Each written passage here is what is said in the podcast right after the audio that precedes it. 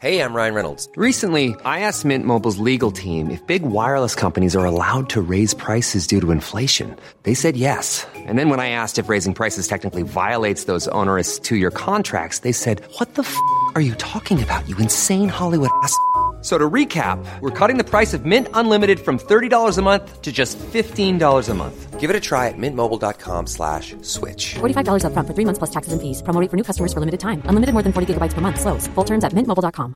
Quality sleep is essential. That's why the Sleep Number Smart Bed is designed for your ever evolving sleep needs. Need a bed that's firmer or softer on either side? Helps you sleep at a comfortable temperature? Sleep Number Smart Beds let you individualize your comfort so you sleep better together. JD Power ranks Sleep Number number 1 in customer satisfaction with mattresses purchased in-store. And now, save 50% on the Sleep Number limited edition Smart Bed for a limited time. For JD Power 2023 award information, visit jdpower.com/awards. Only at a Sleep Number store or sleepnumber.com. Millions of people have lost weight with personalized plans from Noom, like Evan, who can't stand salads and still lost 50 pounds. Salads, generally, for most people, are the easy button, right? For me, that wasn't an option. I never really was a salad guy. That's just not who I am. But Noom worked for me. Get your personalized plan today at Noom.com. Real Noom user compensated to provide their story. In four weeks, the typical Noom user can expect to lose one to two pounds per week. Individual results may vary. Hei og velkommen til Tirsdagsklubben med Becoming, en av Norges mest populære podkaster innen livsmestring. Jeg heter Belinda, og jeg driver denne podkasten sammen med Isabel. Sammen så ønsker vi å inspirere og motivere deg til å skape det livet du ønsker å leve. Mange tenker at livet blir til mens du går, men der er meg og Isabel ganske uenige. Vi mener nemlig at det er du som er skaperen av ditt eget liv, og at du har muligheten til å gjøre ekstraordinære ting, og at det hele starter med å stille deg sjøl spørsmålet Hvem er jeg på vei til å bli? Vi oppfordrer deg til å tørre å ta deg sjøl på alvor, og nok en gang velkommen til en ny episode av Tirsdagsklubben. For ganske nøyaktig ett år siden så hadde meg og Isabel en reunion. Hun kom på besøk til meg en eh, skjebnesvanger kveld Nei, en fantastisk helg i Kristiansand. På lørdagen så stelte vi oss opp og gikk ut og spiste sushi og drakk øl. Og det hyggelige som skjedde da, var at ideen om denne podkasten her ble født. Så i år, i dag, så ønsker vi å ha en liten reunion. Fordi mange tenker egentlig Hvorfor snakker man så mye om livsmestring? Hvorfor snakker vi om alle disse verktøyene? Og hva får man egentlig av å ta i bruk disse verktøyene? Meg og Isabel ønsker jo å ta dere med på den reisen som vi gjør, hvor vi tar i bruk masse verktøy. Nå har det gått et år siden vi veldig konsekvent begynte, så denne episoden skal handle om hva har skjedd det siste året. Hvordan har vi eventuelt forbedra livene våre med å bruke disse verktøyene som vi da snakker om i denne podkasten? Så velkommen til en litt sånn reunion-episode av Becoming, hvor vi skal snakke om de menneskene vi har blitt.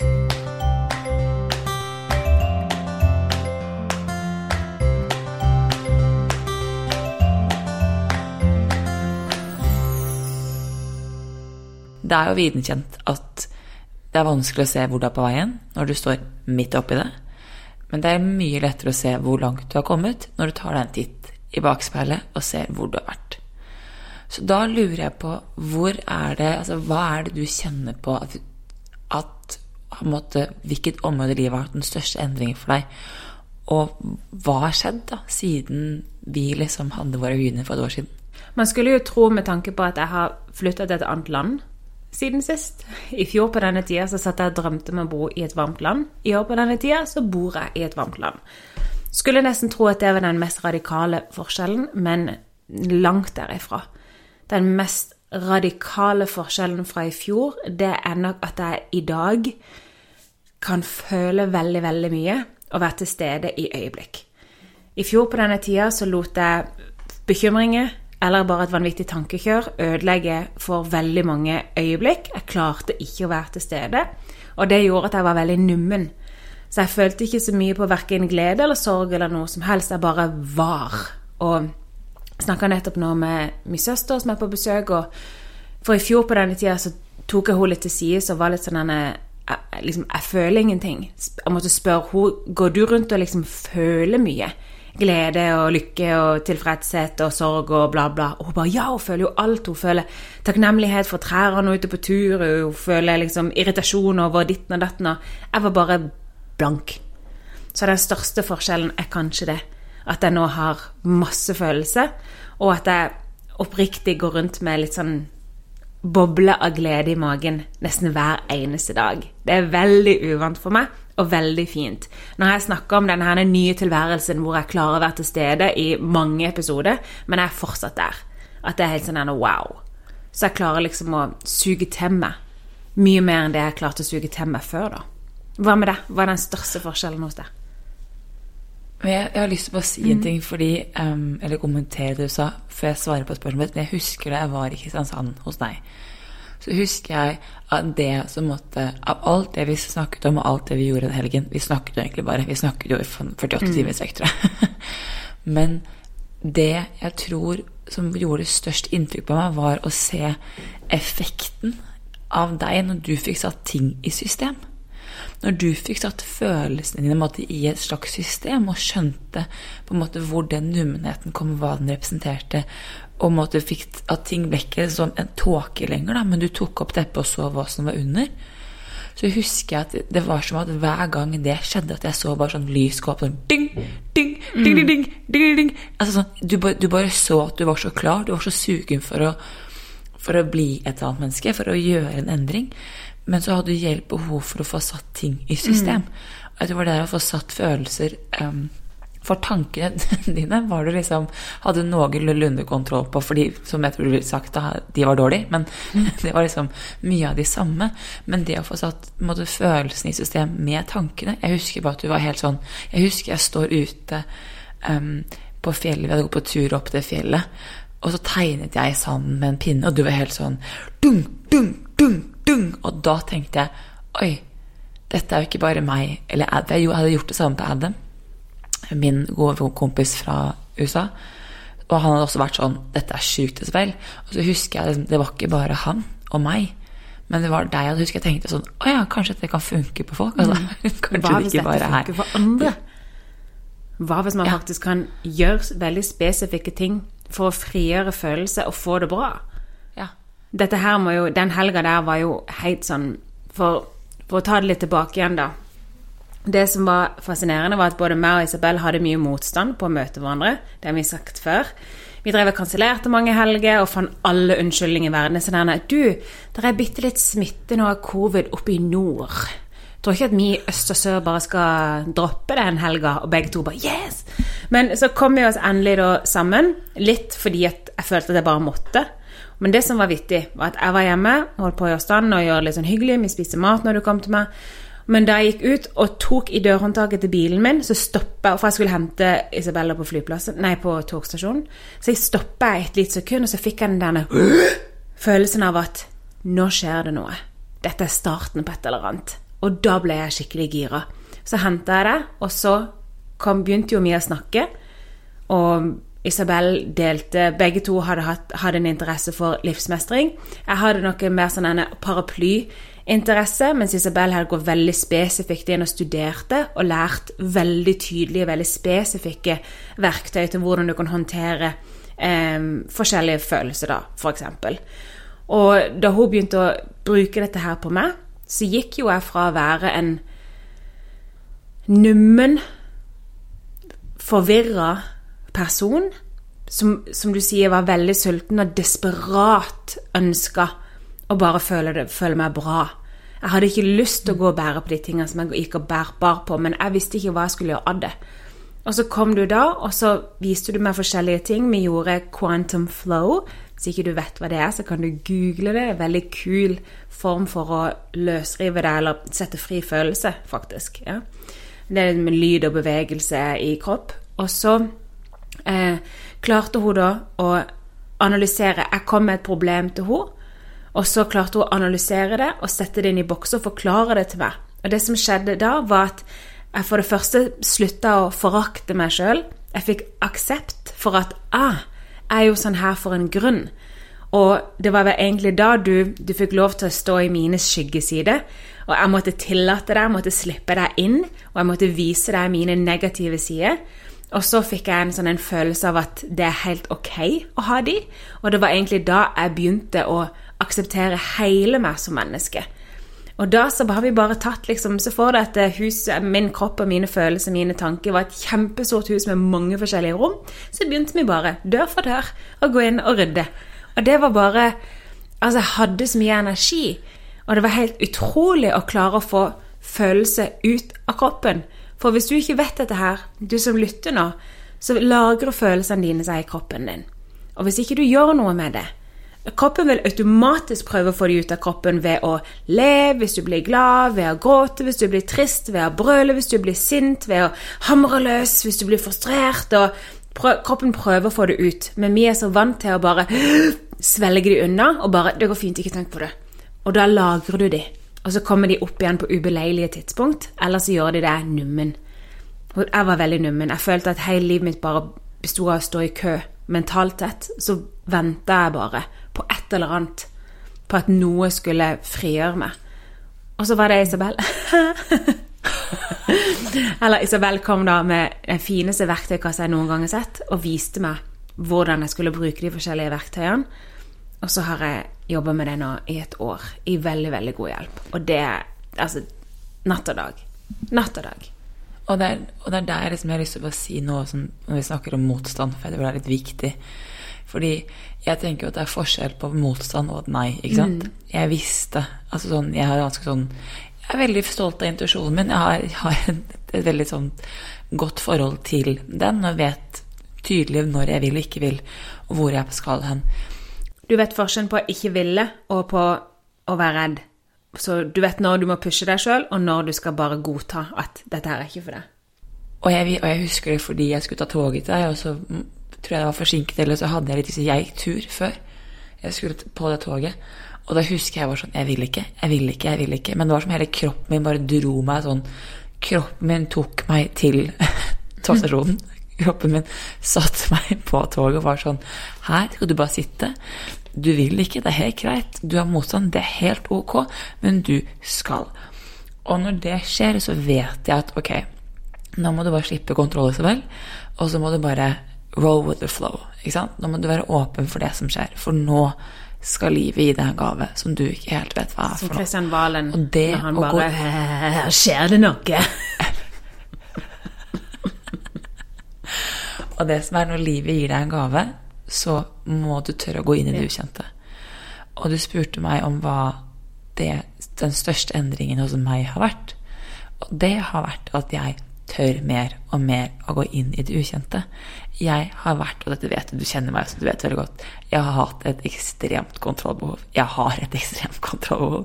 Jeg tror hvis du har liksom Hvis du kunne hatt anonyme kont kontro kontrollører, så hadde jeg vært leder. Fordi jeg er ekstremt god på å skulle kontrollere ting, hendelser, situasjoner, slik at jeg kan føle en form for mm. trygghet. Mm.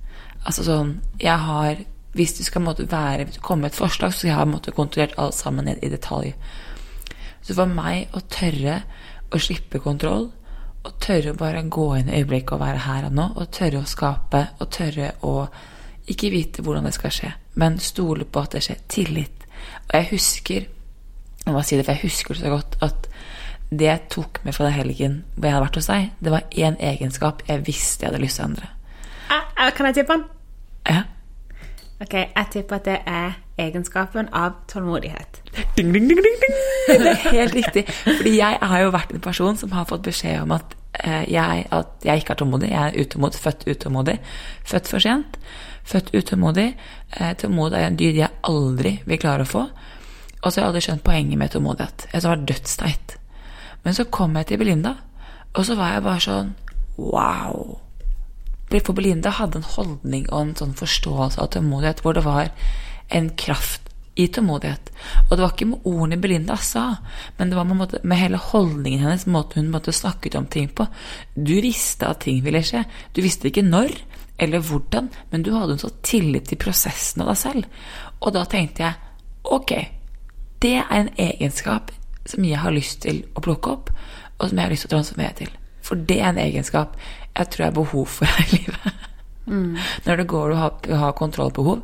Det å skape mer tillit, det er liksom litt sånn motkuren til det å skulle gå og kontrollere livet. Hele tiden.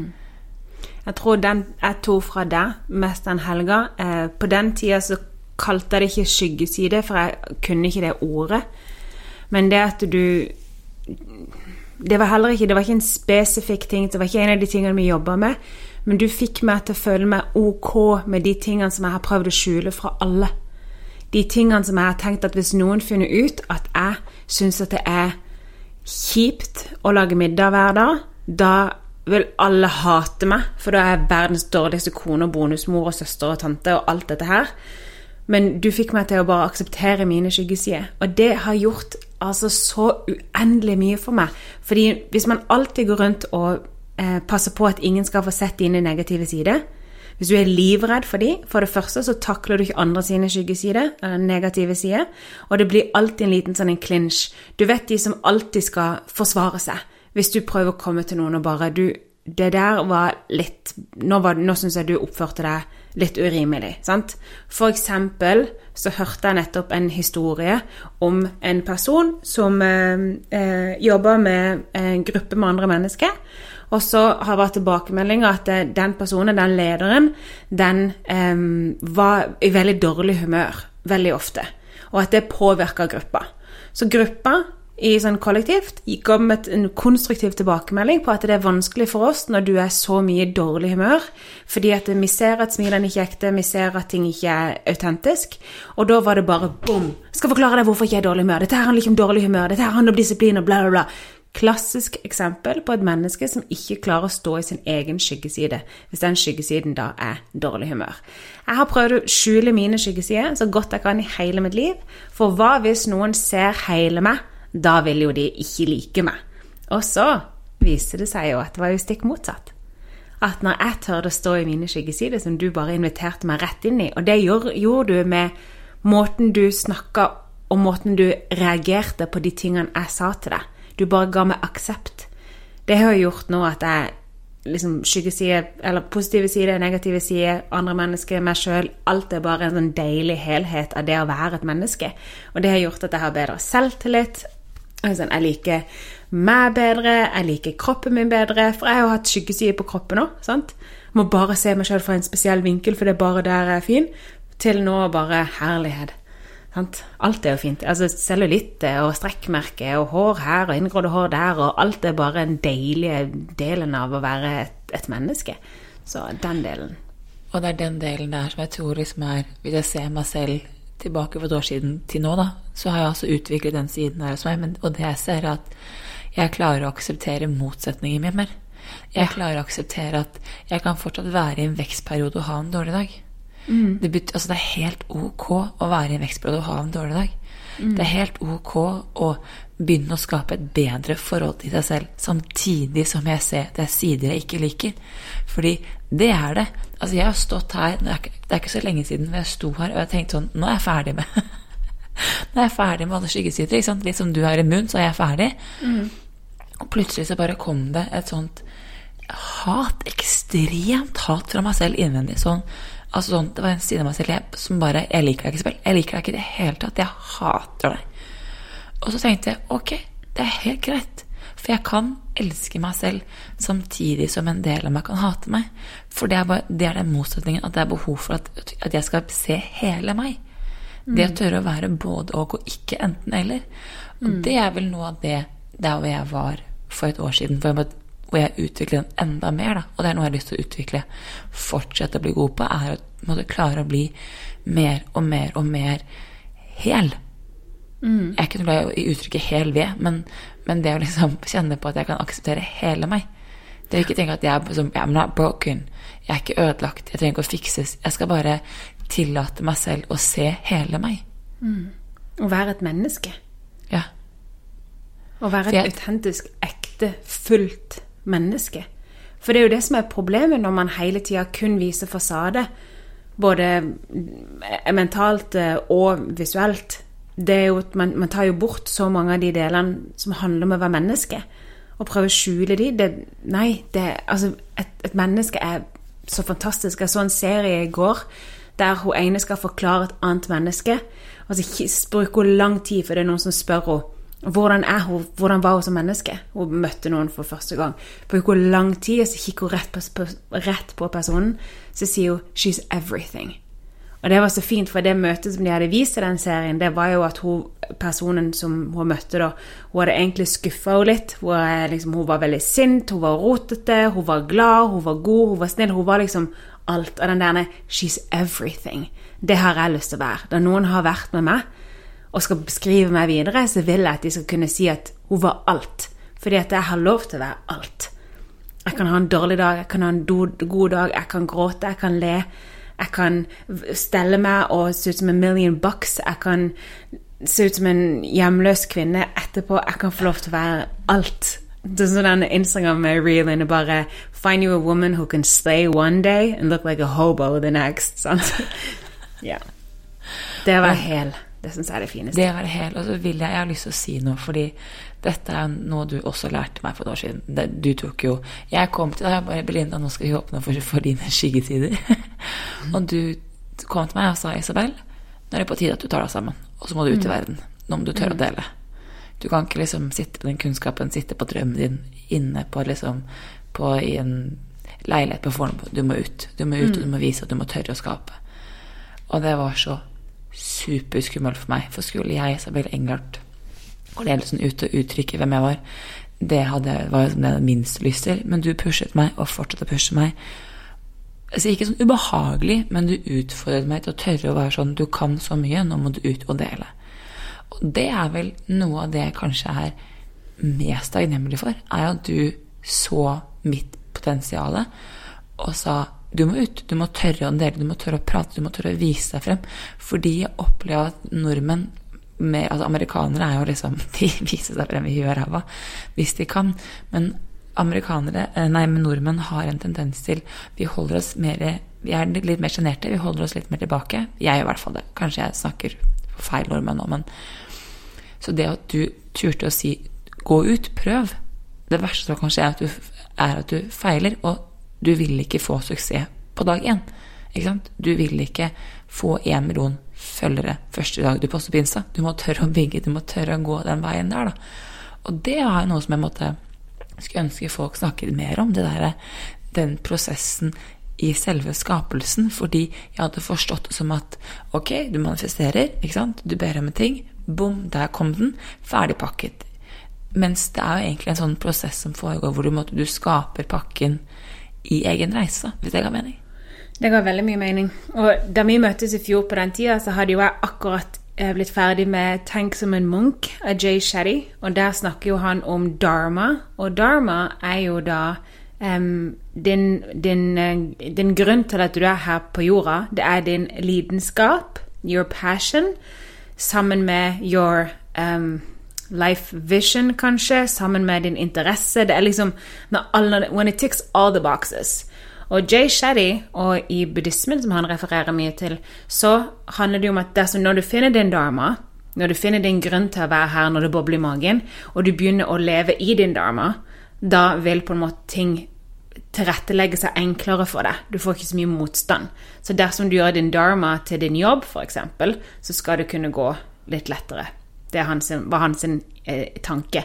Så da Isabella kom til meg og fiksa livet mitt på en helg hadde all denne kunnskapen og sånn en fantastisk måte å formidle det på. Og klarte å få meg til å forstå ting som jeg ikke har fått fra noen andre bøker. fordi at Isabel videreformidler ikke én bok, hun har lest alle bøkene som fins. Og så har hun satt sammen teorier som gjør at det er enkelt for oss å forstå. Så tenkte jeg bare herregud, nå er jo hun i sin dharma.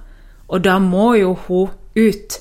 Det er, det, er, umulig at du kan sitte med dette her alene. Men på den tida så hadde jo ikke du engang Instagram på telefonen.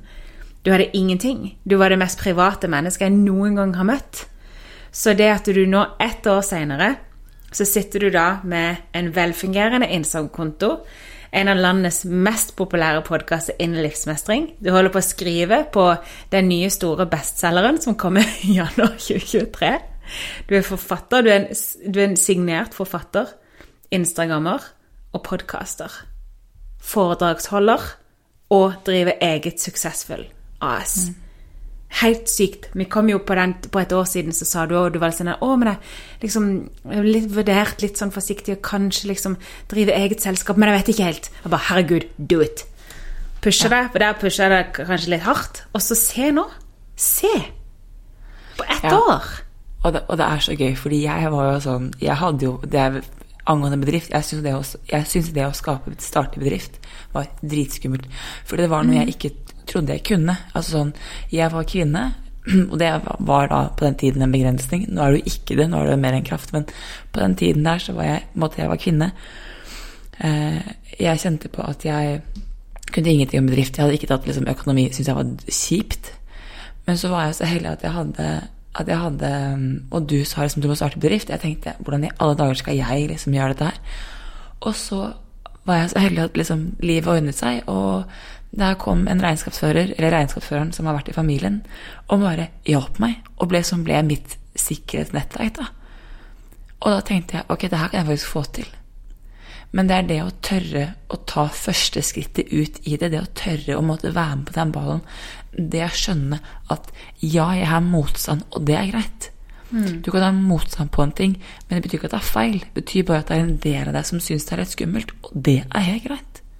Det som jeg syns er veldig gøy, måten du begynte å skape på, det er at du alltid skapte for ditt fremtidige jeg. Ja. Så jeg snakka med et annet menneske som jeg også har rådført, for jeg jobber jo litt som, som business coach. Sant? Så Isabel, eh, hjelp meg i livet. Jeg hjelper Isabel i business. Og så Isabel har klienter, jeg har klienter. Så sånn eh, veldig velfungerende samarbeid. Så jeg har en person som jeg har rådført, og den personen spurte meg veldig ofte hvorfor funker det ikke så bra for meg. Så sier jeg, men kjære deg, du skaper jo for det mennesket du er i dag. Du må nødt til å skape for det mennesket du er frem i tid.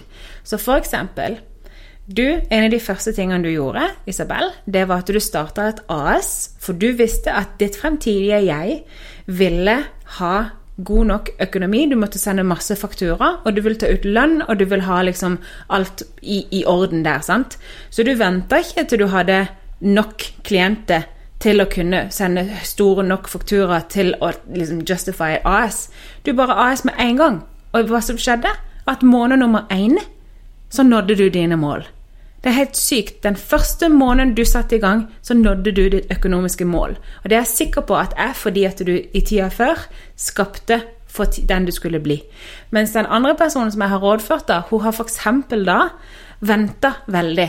For hun har ingen muligheter. Det er ikke noe ikke enkeltpersonsforetak, det er ikke AS, det er ingenting. Fordi at personen sier det til meg Ja, men jeg har jo ikke noe å fakturere ennå.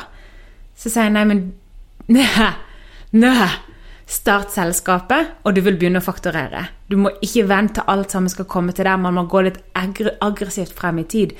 Nei, aggressivt fremover. Og det å hele tida skape for sitt fremtidige jeg. Da du syntes det var vanskelig å sitte på Instagram, så sa jo du til og med til meg at jeg gjør det nå fordi at mitt fremtidige jeg syns det er enkelt å være på Instagram, så jeg må nødt til å være den som gjør jobben nå, sånn at mitt fremtidige jeg kan synes at det er enkelt.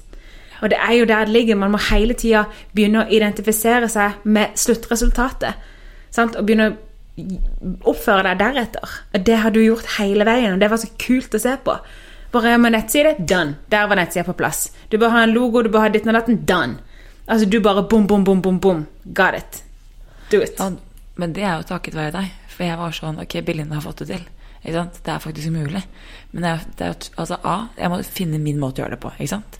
Jeg, må, jeg, altså, jeg gotta do me. Det fins én million mennesker ute i verden. Det fins kun én Isabel. jeg må tørre å være meg. Og det å tørre å være seg er litt, kan til tider være litt skummelt. Men det som jeg måtte hele tiden sa, er at det ubehaget, målet jeg hadde, og drømmen jeg bærer, er større enn ubehaget jeg føler her og nå. Det betyr ikke at jeg ikke kan akseptere at det er ubehagelig, for det kan jeg. Så det er dritubehagelig. Altså sånn, Du sa til meg at Isabel, du må ha x antall videoer liksom, før vi begynner å, å snakke ordentlig om deg på Instagram. Så er jeg sånn eh, Nei. jeg har bilder, jeg har tekst, det er det jeg skal. Du, Isabel, du må ha videoer. Så er jeg sånn Ok, videoer, here we go. Mm, deilig. Men igjen, det er jo fordi at jeg har lyst til å bygge. Og det å tørre å gå inn i den delen her, det å tørre å gå inn i det mindsetet, det tror jeg er så viktig. Spesielt ikke for at du skal jage etter alle mulige handling, men det å tørre og se hva det krever av deg å gjøre den jobben der. Da. Hvis du ønsker å ha en business, ok, da tenker jeg da må du tørre å se hva du skal starte business i. Hvordan kan du lære, lære deg å gå riktig vei frem for deg, da. Mm. Og det er noe jeg kjenner på at jeg er ekstremt takknemlig for for et år siden. At jeg turte, at jeg var modig nok, som jeg har sagt før. Og det jeg sier til mine klienter, er at det er kanskje mye som jeg tenker at jeg kunne gjort bedre i fortiden, men er det én ting jeg er stolt av, er det én ting jeg kjenner på at fy fader, she got så er det modigheten hennes. For hun er mo jeg var modig nok til å tørre å endre. Jeg trenger ikke å vite svarene, men jeg var modig nok til å se ok, here we go. It's time to change. Ikke sant? Og det tenker jeg at det skal jeg ha. Det skal Isabel liksom i fortiden, Isabel for et år siden ha. At hun turte. Det, jeg har sagt det så mange ganger til meg sjøl i det siste òg, at jeg er så sinnssykt takknemlig for mitt yngre jeg for at jeg bare turte. At jeg gjorde det. For jeg kunne godt ha bare oversett magefølelsen. Jeg kunne oversett my urge. For det er mye lettere å bare fortsette i gamle tralte enn å bryte ut. Men jeg turte å bryte ut for å gå mot det som jeg ønska, for å kunne leve det livet som jeg ønska. Vi lå nettopp med Polen nå, meg og min søster. Det er første gang hun er her. Første dagen, til og med. Um, og så sitter hun og kikker utover, så sier hun 'Dette har du skapt'. Og jeg bare Ja, dette har jeg skapt. Helt utrolig, fordi jeg turte back then. Og um, når jeg rådfører folk i skapelse, enten det er personlig skapelse eller businessmessig, så pleier jeg som regel å flippe hele greia. Så det jeg ber folk gjøre, det er penn og papir, som vi snakker om så ofte. Skriv ned uten Altså ingen hindringer det, if, if, if, det er ingen hindringer i hele verden i denne fantasitimen du skal inn i nå. Skriv ned hvordan du lever livet ditt. Si om fem år til, eller tre år til, eller ti år til, eller ett år. Men skriv ned hvordan er livet ditt. Hva føler du litt frem i tid? Hvordan har du det fra du våkner på morgenen? Du kikker ned på beina dine, på kroppen din. Hvordan er kroppen din? Hvordan er omgivelsene dine? Hva, hva er det første du gjør på morgenen? Hvor, hvor, tjener du pengene dine fra? Når må du ut av hus? Må du ut av hus? Bare beskriv hele hverdagen din på en piece of paper. Og når du har satt den, når du kjenner at det bobler i magen av alle de tingene du går igjennom der, av glede, der har du på en måte ditt sluttresultat. Da må du bare begynne å identifisere deg med det og begynne å oppføre det deretter. Så for eksempel da så jeg, Da jeg gjorde dette her, så var det jo alltid at livet mitt besto av å Det som er vittig For, for tre, fire, I 2018 så skrev jeg, og jeg fant i dagboknotatene for ikke så lenge siden da hadde jeg ingen hunder, jeg hadde ingen inntekt, ingen lønn. Jeg var på min manns enkeltpersonsforetak. Vi leide et hus. Jeg hadde ingen fast jobb. Jeg hadde ingen ingenting. Da skrev jeg at i min fremtidige hverdag så våkner jeg på en varm plass. Jeg kan åpne døra, hundene kan springe fritt. Jeg skrev 'hundene', og det er veldig viktig, for i dag har jeg to. Og det var jo aldri egentlig med meninga, det bare ble sånn. Men så har jeg beskrevet min hverdag som hundene springer fritt, og at jeg lever av å hjelpe andre mennesker på nett. Um, og um, at vi og min mann jobber sammen, at vi jobber veldig lite, uh, men at vi har utrolig god og trygg økonomi. Og um, at jeg kunne lese mye bøker, at jeg kunne lære for å formidle videre. Noen sånne ting sto det. Og det var for flere år siden hvor jeg ikke hadde på en måte Jeg hadde ikke starta AS, jeg hadde ikke fått Instagram til å fungere. Ingenting. Og nå så er det akkurat på punkt og prikke det livet jeg lever. Jeg lever av å kunne lære masse nye ting og lære videre til andre mennesker i et varmt land. Jeg åpner døra, jeg har to hunder som springer ut og kan springe fritt. Det er helt, det er helt sinnssykt. Det er helt utrolig. Jeg er så glad for at jeg turte å bare skrive det ned. Og så er det viktig å tørre å skrive, så er det viktig å tørre å se. Å se det er viktig å tørre å handle. Det å tørre å måtte ta det målet dit. Da. Og så tenker jeg, hvis, deg, hvis du kjære lytter kjenner på at okay, jeg har ikke en så liksom spesifikk plan som det Belinda har, ok, det er helt greit. Bare liksom sette opp de tingene du, du vet. da. Se, altså Hvis det er noe sånn Du vil ha det fritt, ikke sant? Hvis du tenker at det er for materialistisk, det er helt greit. Men du må begynne, du må begynne å bli kjent med den drømmeren i deg. Du må begynne å bli kjent med den delen av deg som måtte tør å tenke stort. Fordi det er så Bob Proctor Bob, Bob Proctor sa at Spørsmålet er ikke om du er verdig drømmene dine. Spørsmålet er er drømmene dine, drømmene dine verdig deg. Og den tok meg, for jeg var sånn Oh, holy no. De er for små. ikke sant? Jeg må tørre å drømme større, for hva skjer hvis du åpner drømmen din? Hva da? Hva må det etter? Hvor er ekspansjonen din? For jeg ønsker jo Jeg kan se for meg at jeg, Og det har jeg alltid visst, at jeg ønsker å ekspandere. Jeg ønsker på en måte å skape og bli mer og mer hele meg. Og da må jeg tørre å drømme drømmer som også fyller hele meg. For den drømmen jeg tør å drømme i dag, er veldig forskjellig fra den drømmen jeg turte å drømme for tre år siden. Det kan jeg si, med, altså det kan jeg si helt sikkert at det er veldig forskjellige tanker som skjer i hodet mitt i dag, enn det det var da, da. Og jeg tror hvis man har, sånn som du sier, problemer med å finne ut av hva man egentlig vil, så kan du i hvert fall begynne med hva har du lyst til å føle? Hva, hva er din drømmehverdag basert på følelse? Vil du føle mye? Vil du føle lettelse, glede, frihet? Hva vil du føle? Begynn der. Og så er det bare å begynne, begynne å jobbe seg mot det. Og så er det et spørsmål som jeg pleier å stille mine klienter, eller som de får hvis de som regel en del av prosessen vår, og det er Hvis du visste at svaret var ja, hva hadde du spurt livet om da? Hvis du visste at svaret var ja, hva hadde du spurt livet om da? For der kan du begynne å se på en måte hva Ok, er det mer tid for deg selv? Er det mer frihet? Altså, hva hadde du, hva hadde du sagt ja til? For der tror jeg det ligger et clou for veldig mange mennesker. Jeg hadde egentlig en som sa Isabel, jeg vet ikke svaret. Da tenkte jeg ok, men det er også et svar i seg selv. Hvis ikke du vet svaret, så er det noe med det å bli kjent med egne drømmer og tanker. da. For det skal jeg bare si at det er veldig få. Du er jo et unikum der, Belinda, for du er liksom alltid er veldig sånn kjent med drømmerne. Du er alltid veldig sånn klar på hva du drømmer om og ønsker å skape. Det er jo egentlig sånn født entreprenør i deg. Men veldig mange andre er ikke så kjent med sine egne drømmer. De er ikke så kjent med hva de har lyst til å skape i livet, eller hvem de har lyst til å bli, eller den delen der. Der har du alltid hatt et veldig sånn sterkt forhold. Vet du, jeg har en liten teori på hvorfor. Okay. Fordi at jeg er så veldig lydsensitiv, så bruker jeg veldig, veldig mye tid uten lyd.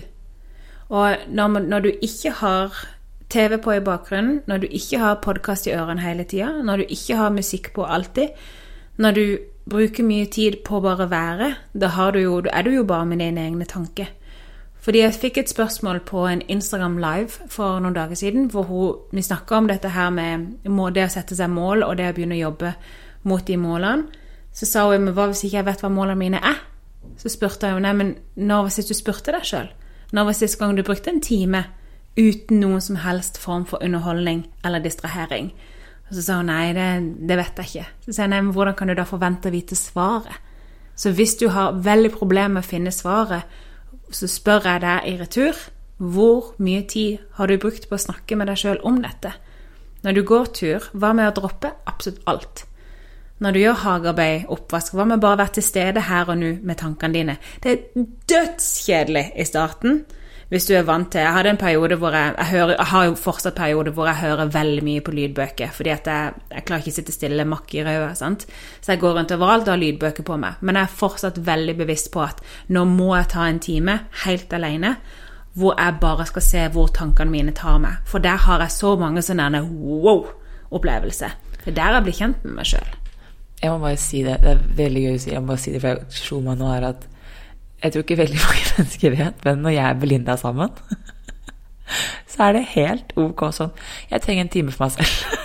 Ja, ja. Altså, det, da kan måtte Belinda jeg komme og sånn jeg, Da jeg podkastinnspilling ferdig. Ja, du, jeg må ha en time jeg, før vi møtes igjen. Ok, helt greit. Jeg må gå meg en tur. Ok, helt greit. Altså, det er rom da i vårt vennskap for at jeg trenger ti minutter. En time. Ja, ja. Og det er, og det, den, det å tørre å ta den timen, det å tørre å bruke tid på deg selv, det tenker jeg er dødsviktig.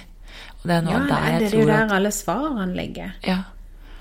Så ja. jeg har hatt, eh, Den siste uka så har jeg hatt utrolig mange sånne wow, der jeg, ting har gått opp for meg. Og det er bare småting som I det siste har jeg hatt veldig mange sånne aha-opplevelser på hvem jeg ønsker å være som menneske.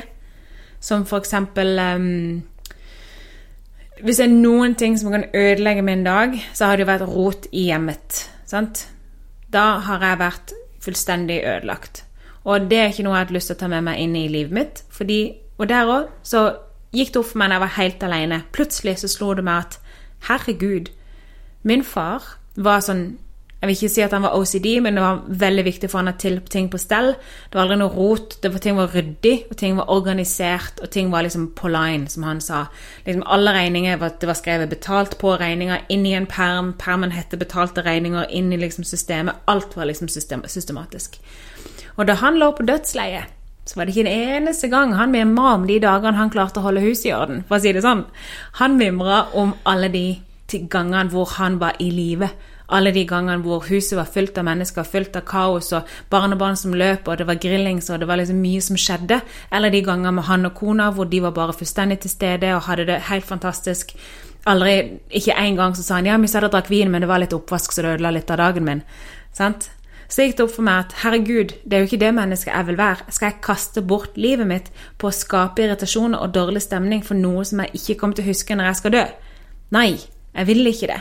Så gikk det opp for meg at herregud, det er jo ikke stress, det er jo ikke rot som forårsaker stress. Det er tankene mine om rot som forårsaker stress. Så hvis jeg kan gå inn og endre de tankene mine der, så kan jeg faktisk unngå det stresset og bare ha en fin dag. Jeg var helt sånn her Wow! Ok, I må do this. Så jeg har testa det nå i en ganske god stund. Og det funker jo som bare fjell. Jeg bryr meg ingenting om rot lenger. Jeg bryr meg om hvordan har folk det som er i huset mitt. Sant? Er de glad? Er de lykkelige? Funker ting? Her har alle god mat? Sant? Og det, er- det, er helt, det er helt utrolig. Når du skjønner at du kan faktisk endre tankene dine. Ja, og så er det noe å tenke på at det er fint ok, hva er, nødvendig, hva er nødvendig, og hva er bonus? Ikke sant? Hva er nødvendig at du rydder, altså, og hva er bonus? For jeg har en sånn jeg har, det, På engelsk heter det minimal um, effort, maximal results. Så det å tørre liksom ha minst mulig effort da, for å få best resultat, det tenker jeg det er helt innafor, faktisk. For jeg går jo fortsatt rundt og rydder, men det handler om hvordan jeg gjør det. Ja. Og at jeg ikke hakker ned alle andre fordi at ikke de har rydda før meg. sant? Så jeg går rundt og rydder og diller og duller, og så gjør andre det samme, og så, så er det som det er. Og det er jo, du har jo vært her, det er jo, jeg har jo et ryddehjem, men jeg har jo vært litt ekstrem til tide.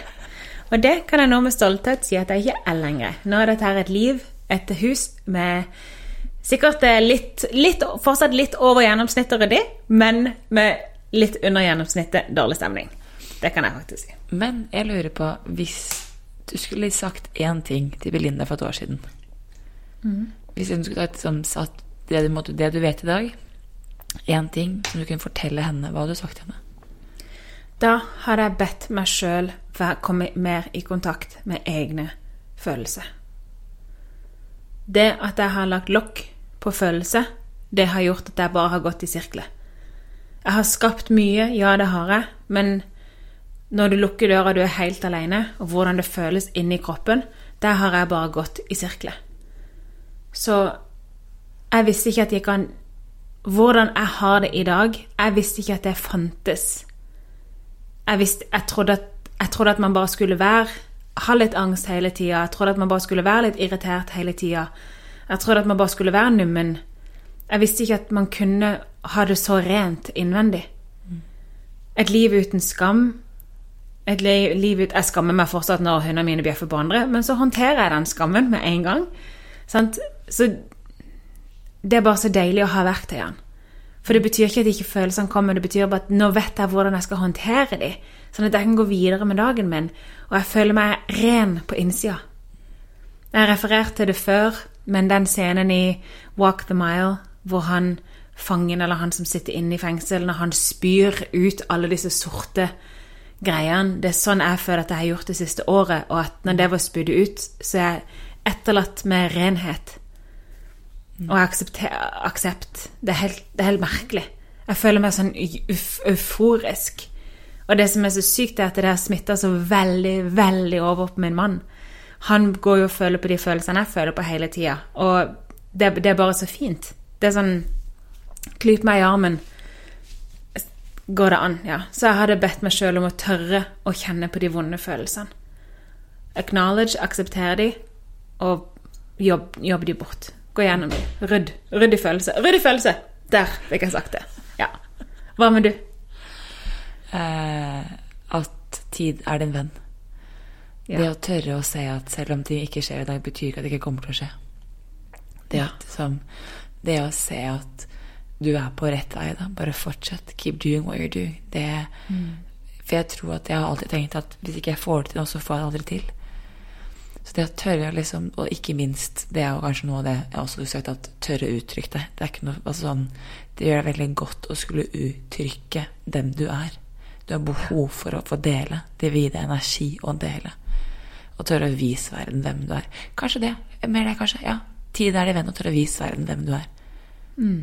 Så jeg, jeg tror at Jeg opplever meg selv Jeg høres helt høy ut på meg selv, men jeg opplever meg selv som et veldig fint menneske. Ja. Er ikke det deilig? For noen år siden så hadde du opplevd deg sjøl som et sint menneske. Ja. ja. Så det å Men er ikke det den beste følelsen i verden? Å faktisk oppleve seg sjøl som et godt menneske? Du, det er faktisk det er helt nydelig. Så er det helt det som er så gøy, er at, som jeg sa i sted, det er å tørre å akseptere motsetninger. Da. At jeg kan se at jeg liker meg selv som det mennesket jeg er, og jeg måtte ta et godt menneske. Samtidig som at jeg fortsatt har dager hvor jeg tenker sånn Å, fy faen, Isabel, du er ræva.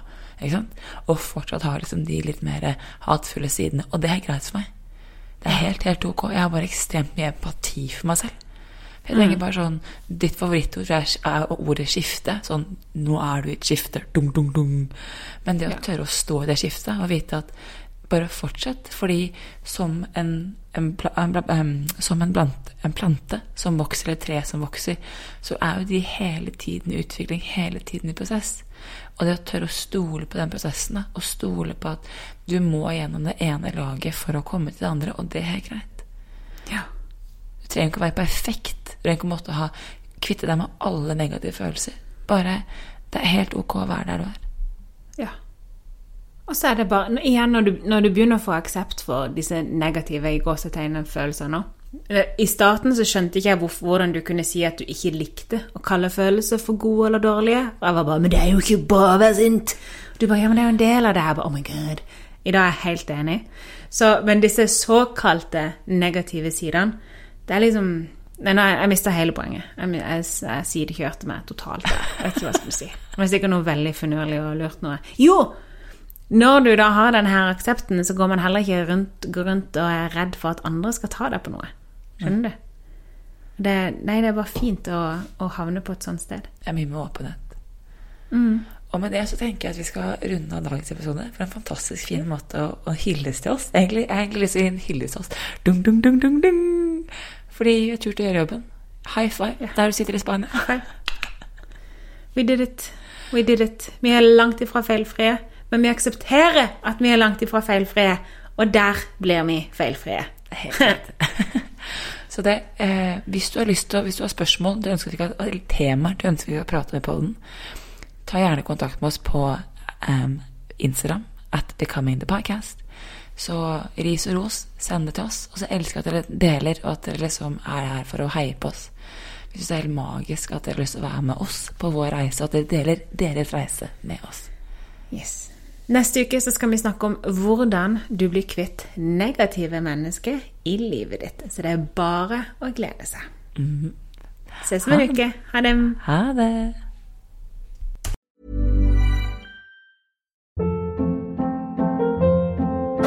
Hold up. What was that? Boring. No flavor. That was as bad as those leftovers you ate all week. Kiki Palmer here, and it's time to say hello to something fresh and guilt-free. Hello Fresh. Jazz up dinner with pecan-crusted chicken or garlic butter shrimp scampi. Now that's music to my mouth. Hello Fresh. Let's get this dinner party started. Discover all the delicious possibilities at hellofresh.com.